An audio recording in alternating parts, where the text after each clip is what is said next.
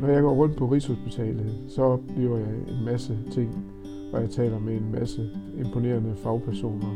Du lytter til Beriget, en podcast, hvor Rigshospitalets direktør Per Christiansen besøger en af hospitalets faglige profiler, der hver dag beriger det danske sundhedsvæsen. Det beriger mig, og derfor tror jeg også, at det kunne berige andre.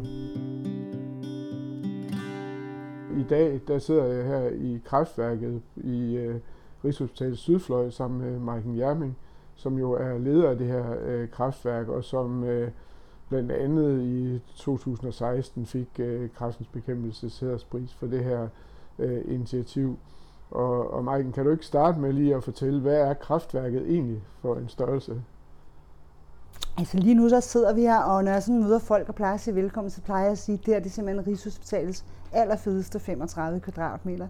Det er et lille bitte rum. Øh, hvis man sådan skal prøve at beskrive det, så kan man sige, at det er unge, der har indrettet det, og vi har indrettet det på, sammen med unge øh, arkitekter og unge designer over en weekend. Vi lavede sådan en hackathon og spurgte ude på uddannelsesinstitutionerne, om der var nogen, der havde lyst til at komme og donere deres talent og være med til at sammen med unge med kræft at sige, hvis man nu skulle lave sådan et fedt fristed, hvor man kunne mødes med andre unge, hvordan skulle det så se ud? Og det blev det her rum, øh, jeg synes, at nogle gange så synes jeg, at man, en meget god metafor for det, det er sådan et, et hyggeligt kollegiekøkken. Ikke? Man kan lave en kop kaffe, man kan hænge i en sofa, øh, man kan spille noget musik, man kan være her, hvor der ikke er et øje, og tænke, jubi, eget værelse, og man kan komme her til en julefrokost, hvor vi har tre langbord, og man næsten ikke kan komme ud og tisse.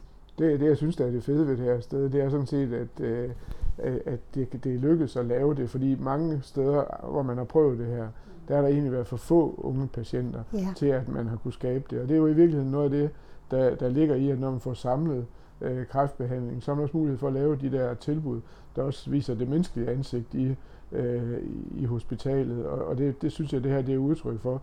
Der sidder også en masse ansigter her lige ved siden af os.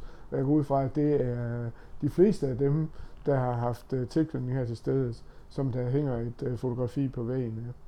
Øh, og, og, og når man så kigger på dem, så tænker jeg også, at, at du, når du kigger på dem, så er der mange gode minder i det. Men der må vel også være nogle situationer, der er svære, hvor at, øh, der er nogen, der ikke kommer igen, fordi de ikke er her mere. Ja, i hele min lange karriere, hvor jeg har været kræftsygeplejerske, så har jeg jo oplevet desværre rigtig mange patienter dø. Men jeg vidste godt, at første gang, der var en, der døde i kraftværket, øh, jeg kan huske, at jeg tænkte, nu ryger vores uskyld. Hvordan skal vi kunne agere i det her? Det der med, en ting er, at man som øh, sundhedsprofessionel kan blive berørt af det, men alligevel tænke, at vi har gjort det bedste, mens vi var her, været med til at lave måske et godt palliativt forløb. Så det der med, at man vidste, at nu er der så mange andre unge, som vil blive så berørt af det her. Og sådan har det også været, at øh, når der er unge, der er døde, så er kraftværket i sorg. Og jeg synes, øh, som sundhedsprofessionel og som øh, tovholder for det her sted, har vi et kæmpe ansvar i at være med til at italesætte det, og være med til at snakke om, hvad der er sket, hvad det gør ved den enkelte unge. Unge øh, spejler sig hinanden, og det er der en, der dør. For det første, så mister man en ven. For det andet, så kan man blive sindssygt bekymret for, hvad var det, der skete, og man kan spejle sig og tænke, okay, det kunne lige så godt være mig. Men man er, man, man er sådan set, øh, man snakker om døden, har været her et par gange, hvor der har været en kronprinsessen og, og en sundhedsminister. Og øh, alligevel, selv i de situationer, der, der er det også et, der er det et tema, der bliver berørt ja. sådan, øh, undervejs. Så det er sådan meget åbent og, og øh, fritone, hvis man kan sige det sådan, også mellem de unge øh, indbyrdes. Det er der, der er en øh, solidaritet, og der er en kærlighed, og der er en øh, opmærksomhed, som er øh, simpelthen så beundringsværdig. Men, men alligevel vil jeg sige, øh, specielt i det, øh, da, da jeg var her, øh, hvor Sofie Løde var på besøg, der var jo også en livsglæde i rummet. Jeg kan huske, der var en af, af patienterne, der, der gerne ville have hendes uh, telefonnummer. ja, der så er nogle søde gutter, som skulle være med til at sige goddag til jer og til Sofie Løde, og de har lige lavet sådan et vedmål inden du får 500 kroner, hvis du kan få nummeret af ministeren. Øhm, jeg synes, det, det her sted, det er det sted, jeg har grint aller, allermest i hele mit arbejdsliv. Jeg har arbejdet 27 år på Rigshospitalet. Det er også det her sted, hvor jeg har været allermest berørt. Det her det er et fantastisk sted. Mm. Har simpelthen skide sjovt. Men det er også et alvorligt sted, for man ved aldrig, hvem der åbner døren. Der er ikke nogen åbningstider, der er ikke nogen lukketider, og man kan godt komme her uden at have en aftale. Og det vil sige, at der kommer unge her, der lige har fået at vide, at de har et tilbagefald af deres sygdom. Der kommer unge her, der har fået at vide, at behandlingen ikke hjælper. Der kommer øh, folk, som lige har fået at vide, at de er blevet syge. Du lytter til Beriget, en podcast om faglige fyrtårne på Rigshospitalet. Vi har fået lavet nogle traditioner, som jeg synes har været virkelig betydningsfulde, både i forhold til at lave nogle skide sjove oplevelser sammen, men faktisk også, når det er svært. Vi arbejder på den måde, at vi har et ungepanelmøde øh, fire gange om året, hvor de unge, som er i et behandlingsforløb, nu kan mødes og være med til at sætte dagsordenen og sige, hvordan kan vi være med til at lave et, et fedt sundhedsvæsen for jer, der er unge. Og det er faktisk de unge, der på det tidspunkt sagde, at vi bliver nødt til, Marken, og på en eller anden måde få sat nogle rammer omkring det, når nogle af vores venner dør. Vi inviterer jo ind i klubben, ingen har lyst til at være med, til, med i. Ikke? Og lige pludselig kommer man her, og man kunne have været syg i går, og møder en, og det første, man finder ud af, okay, herop, der er det med med liv og alvor. Altså, mm. der er en ung, der er død i dag. Men øh, vi har fået sat det i system. Vi har haft et fantastisk samarbejde med juridisk afdeling inde på Rigshospitalet i forhold til vores tavshedspligt, og sagt, hvordan kan vi mødes, og hvordan kan vi lave en øh, mindehøjtidlighed. Og så har vi lavet øh, vores egen mindehøjtidlighed her i kraftværket, hvor øh, jeg typisk har budt velkommen Lidt ligesom hvis man er til en begravelse, og man bagefter drikker noget gravøl. Altså, der, man, man, man deler minder, man deler de gode anekdoter. Men måske aller, aller vigtigst, at der er unge, når de går herfra, har fået svar på de spørgsmål, de havde, som kunne gøre, at de, ud over at være ked af det, vil blive skidehammerne bange. Øh, man kan blive rigtig, rigtig bange, hvis man selv er i et leukemiforløb, og man har fået en ven her, som faktisk har responderet på sin behandling, men dør på intensiv af blodforgiftning så tænker man, wow, okay, man er ikke i smult vande. Altså, så, så de her snakker er virkelig vigtige. Og det, det, det, det kan jeg, hvis man, ja, det kan jeg i hvert fald se, at det betyder noget. Det der med, at vi både får lov til at mindes, man kan være ked af det sammen, men får sat ord på. Venskaber og fællesskaber, det betyder simpelthen så meget. Og det at miste, og det at blive berørt, det er jo fordi, der er nogen, der har sat spor, og vi er kommet til at holde af hinanden. Så på en eller anden måde, selvom jeg synes, det er det er altid de aller, aller, aller sværeste dage i kraftværket, så det er også de aller, aller vigtigste. Jeg kan huske, at jeg mødte en ung, øh, som øh, jeg havde kendt, inden vi øh, startede kraftværket, og så kom han til noget kontrol, så jeg skal du ikke se et fedt sted, vi har lavet, og vil du ikke have en kop kaffe? Og så sagde han til mig, ej, hvis vi havde haft det, da jeg var her, så ville jeg også have hentet dig. Fordi øh, det er lidt ligesom, hvis man er øh, soldat, altså veteranerne, de bliver jo også nødt ved, ved med at mødes. Og så sagde jeg, det er fordi, hvis man ikke har været i krig, så aner man ikke, hvad det er. Så det er egentlig ikke fordi, at øh, vi sidder og skal snakke en masse om kraft. Men der er bare alle, der kommer her, de ved, jeg har haft kraft.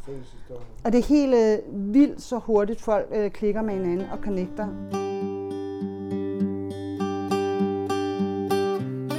Du startede egentlig sådan som den eneste person her, og og drivkraften er du selvfølgelig stadigvæk, men øh, I er blevet et større team. Ja, det kan du ikke prøve sådan lige at fortælle, hvordan det egentlig har udviklet sig over tid? Jo, det kan jeg godt. De har jo ikke stået her og trykket næsen flad mod ruden og sagt, må jeg komme ind. Så mit, mit første arbejde, det, det har simpelthen været at være ude og fortælle, at nu er vi her, og muligheden er her.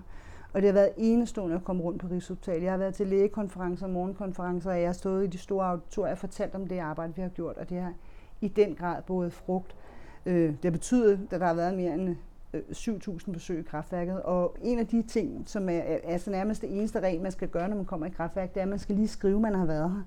Og det har vi jo kunne bruge simpelthen så mange data, hvor, data på, hvor gamle er folk, der kommer, og hvor tit kommer de, hvor gamle er de. Men vi kunne også godt se, at der kom rigtig, rigtig mange. Jeg startede halvtid. Øh, så er en fantastisk oversygeplejerske, der nu er blevet centerchef sygeplejerske over i øh, Neurocenteret Pernille Linder, som jeg har lavet rigtig meget sparring med, hvor jeg sagde, det, det er også et ensomt job det her, mm. og det var godt at have mm. nogle legekammerater. Og jeg har sådan en unge ambassadøruddannelse, og det vidste jeg jo godt også, at jeg havde andre kollegaer rundt omkring i Rigshospitalet, der havde. Og så fik vi lavet et samarbejde i starten med Klinik for Blodsygdom, at øh, afdelingssygeplejerskerne sagde, at jeg har nogle unge ambassadører, de kan komme 8 timer om måneden i kraftværket så blev vi et lille team. Så fik vi børne- og ungeklinikken med, fordi vi også fik rigtig mange unge mellem 15 og 18 år, som var indlagt på børne- og ungeafsnit. Fik vi unge ambassadører der. Så øh, de fleste dage har jeg været her alene, men så har vi lavet nogle tirsdagsfrokoster og nogle aftenarrangementer, og der har vi så været et team med unge ambassadører. Og her lige inden corona, der har vi jo fået en øh, varig bevilling. Helt fantastisk. Øh, indtil der har vi været fondslønnet, og vi har været på satspuljemidler.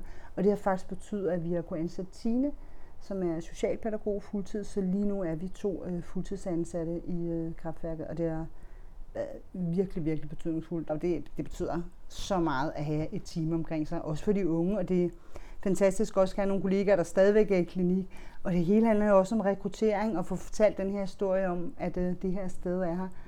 Nå, hvis nu man skal sige noget kritisk, så har jeg jo selv oplevet, da jeg kørte øh, Team Rynkeby og kom til at skrive lidt begejstret om det, at uh, der kommer nogen, som sådan lidt halvsurt siger, at vi gør alt for meget for kræftpatienterne, mm. især børn og unge, uh, i forhold til de andre uh, patientgrupper. Mm. Hvad, hvad tænker du om det?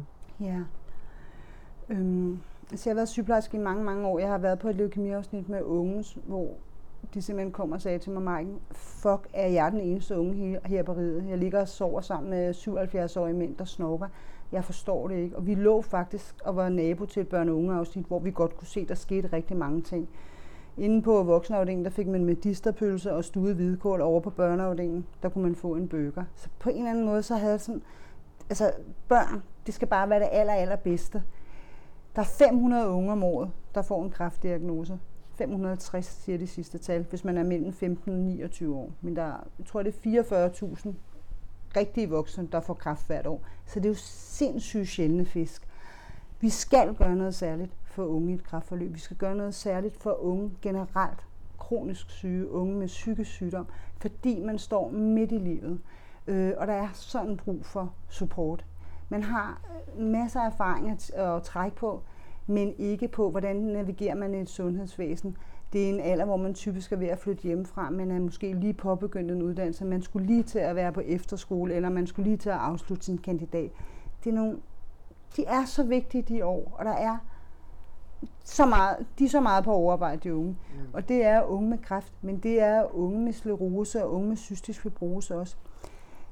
Jeg har taget afsæt i det felt, jeg har kunnet, og så har jeg prøvet på at være sindssygt gavmild og dele ud af alle mine erfaringer. Jeg har haft besøg af anoreksiklinikken, jeg har haft besøg af mange forskellige foreninger. Dele ud af det og sige, måske kan man ikke starte med et kraftværk, men man kunne måske starte med en opslagstavle med at sige, hey, hvem er vi? Vi er nogen her, der er unge freaks, vi vil gerne hjælpe jer. Så jeg håber, at vi har været med til at, at sætte ringe i vandet, og jeg håber, at, øh, at de her idéer vil, vil brede sig. Siden tænker, vi startede, er, vi, er der jo kommet modkraft i, i Roskilde, der er kommet livs, livskraften i Odense, og der er kommet fri rum i, i, i Aarhus. Så, så jeg synes, det har været fantastisk, at nu er vi et lille netværk. Nu har I til huse her midt i øh, det område, hvor vi har kræftpatienter og hematologipatienter. Øh, det kunne også være, at øh, man ville række lidt ud. Måske også, der kunne, det, det kunne måske være sådan, at der kom en anden ind forbi med en anden diagnose. Øh, ikke så sandsynligt her, men hvis nu man sagde, at på, på sigt skulle I måske placeres i forhalsområder med nem tilgængelighed osv., er det sådan, at man ikke må komme her, hvis man ikke har kræft, eller hvordan takler I det, hvis der skulle komme nogen forbi med en anden sygdom? Altså man kan sige, at Rigshospitalet er privilegeret i og med, at vi har en anden ungecafé, der hedder Herberg. Så, så vi kan sige, at vi er hinandens søster, søstercaféer og hjælper hinanden. Der er også unge, der kommer begge steder. Man kan godt også komme ned her Berg, hvis man er, har, er et kraftforløb. Øhm, vi har haft nogle øh, øh, meget, meget få unge, som har haft det, der hedder myelodysplasi, som sådan er en form for præleukemi, som har været her. Men de har også skulle gennem knoglemagnetransplantation, der ligner meget det, som de ja. unge med leukemi har gjort. Øh, jeg har aldrig tænkt, at det her skulle være en lukket klub, men jeg vil også sige, at det er også en, en klub, der bærer præg af, at man er livstruende sygdom.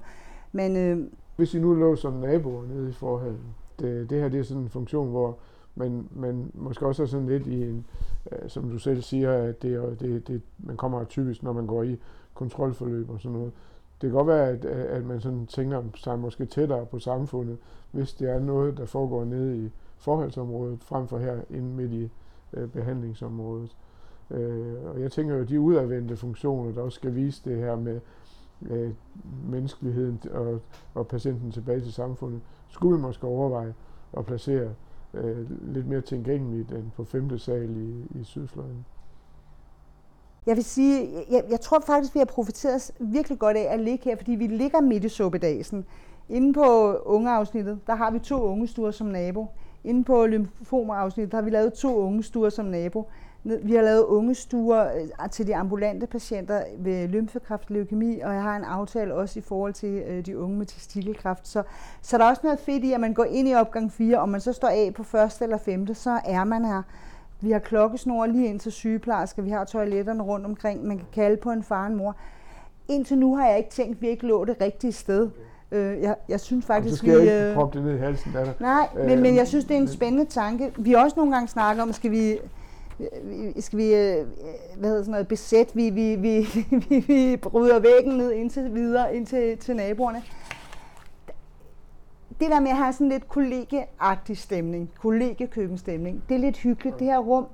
Hvis man er ener, så vil man ikke føle, at man sidder i sådan en stor ventesal.